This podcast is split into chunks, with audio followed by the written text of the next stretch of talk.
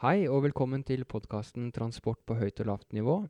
Vi er Torbjørn Stigen og Daniel Bjerkan, og dette er første episode hvor vi har valgt ut et spesifikt tema. Eh, dagens tema er selvkjørende biler. Eh, Daniel, har du noen definisjon på selvkjørende biler og ulike stadier av det?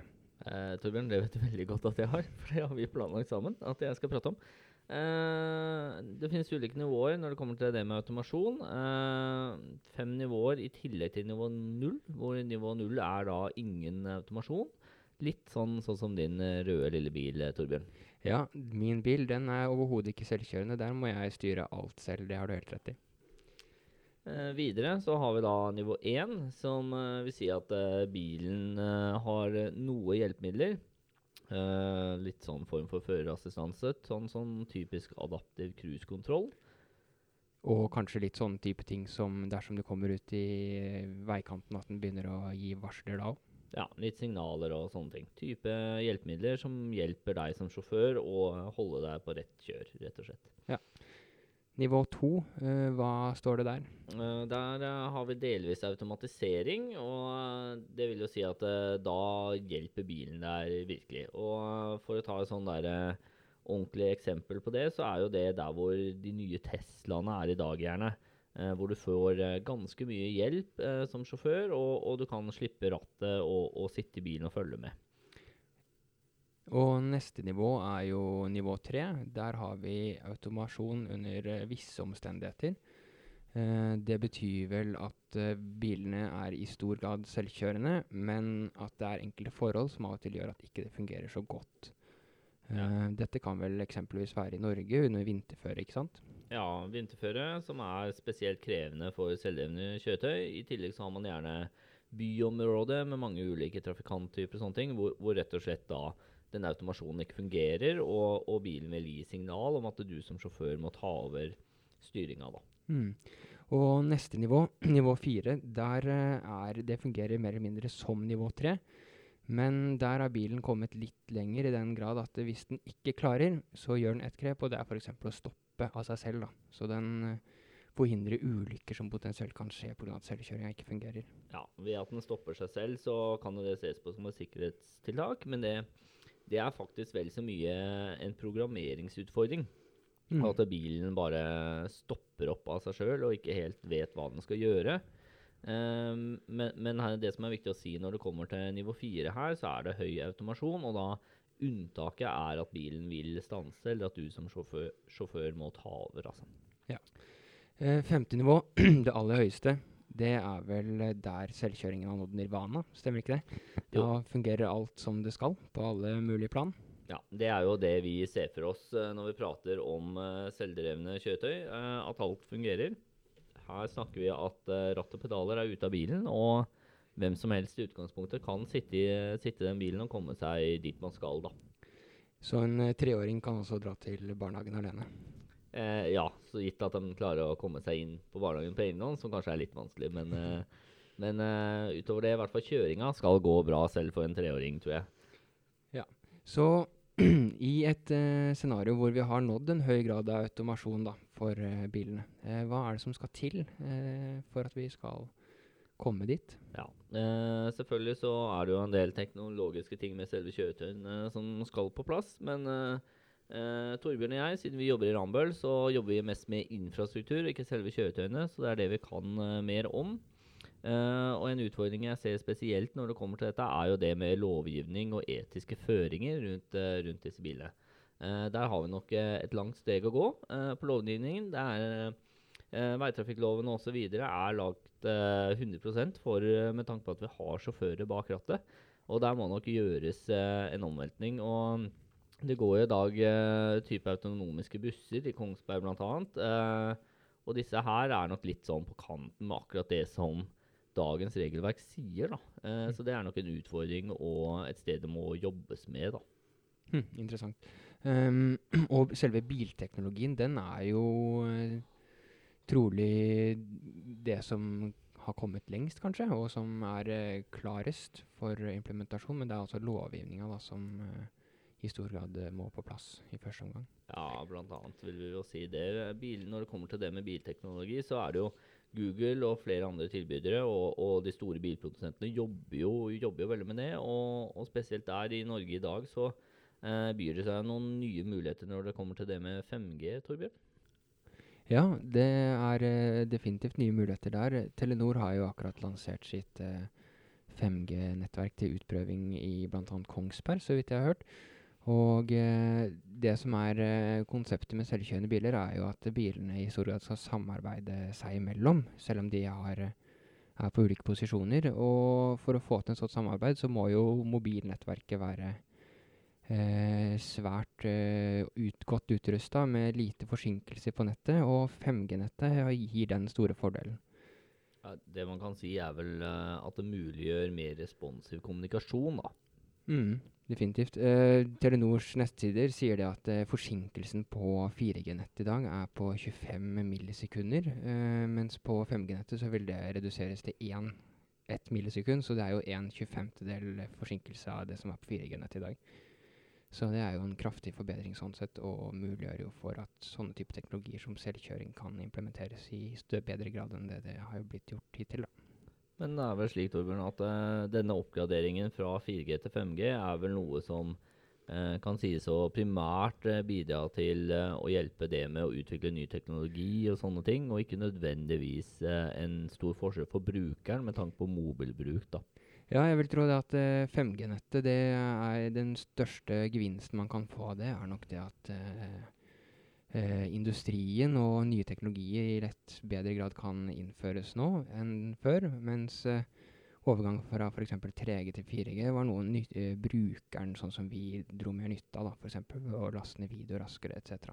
Ja, Så du vil ikke få YouTube-videoene dine noe raskere ned på mobilen? altså? Eh, jo, det vil jeg tro du gjør, men uh, sånt 4G-nettet i dag er såpass godt at de fleste kan sikkert si at det er bra nok. Så det er vel heller industrien som har mye å tjene på 5G. Ja. Uh, og med det så tror jeg vi skal gå litt videre i programmet. Eh, en viktig ting å prate om når det kommer til det med selvdrevne kjøretøy, er jo effekter. Eh, hva ser man for, eh, for seg av, av, endring når det kommer til veiene på, på veinettet?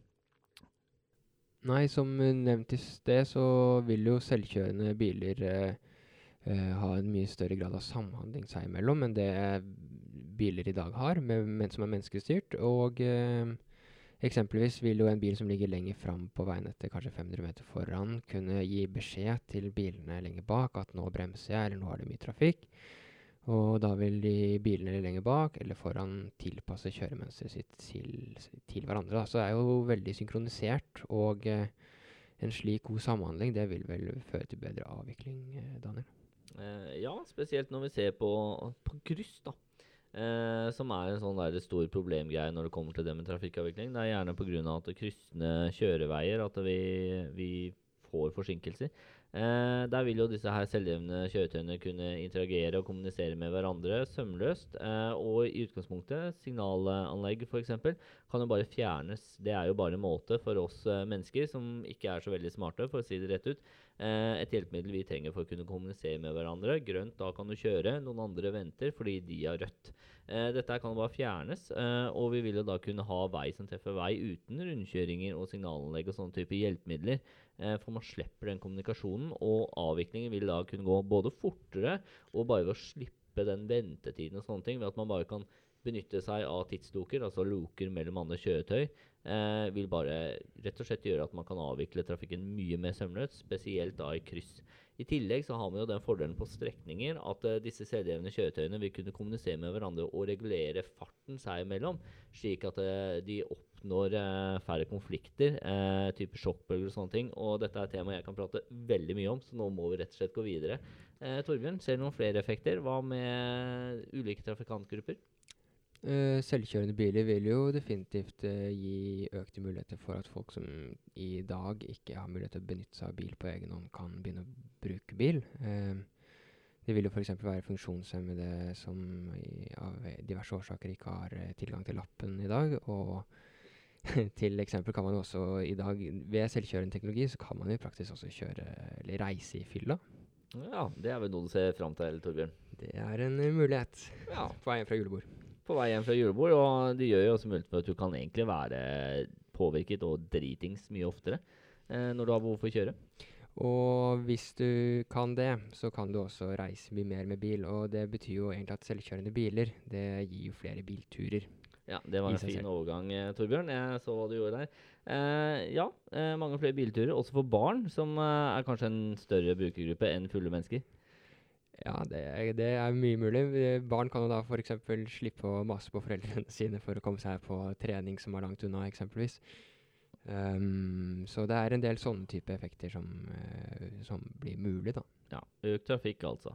Uh, videre, en uh, ganske stor effekt som jeg er glad for å se, er jo det på trafikksikkerhet. At vi forventer færre ulykker, rett og slett igjen fordi eh, disse her selvdelende kjøretøyene er smarte, de interagerer med hverandre og sånne ting, og har mye mindre feilmargin. da.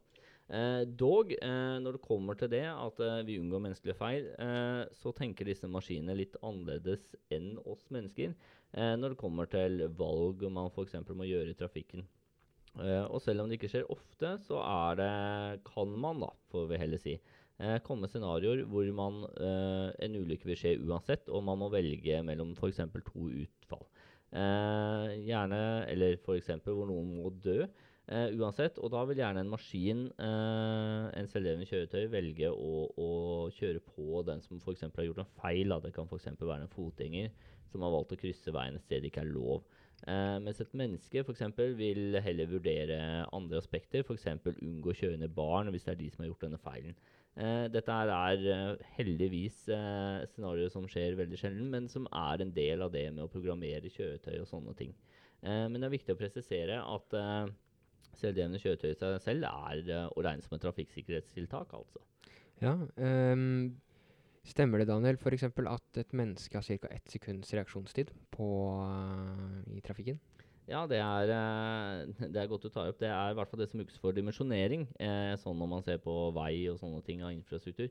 Eh, dog så må det sies at eh, vi mennesker har forskjellige reaksjonsevner. En rallysjåfør kontra en eldre mann eller dame har jo to helt forskjellige reaksjonsevner. da. Men ingen mennesker kan vel måle seg mot f.eks. som det 5G-nettet med ett millisekund i eh, responstid.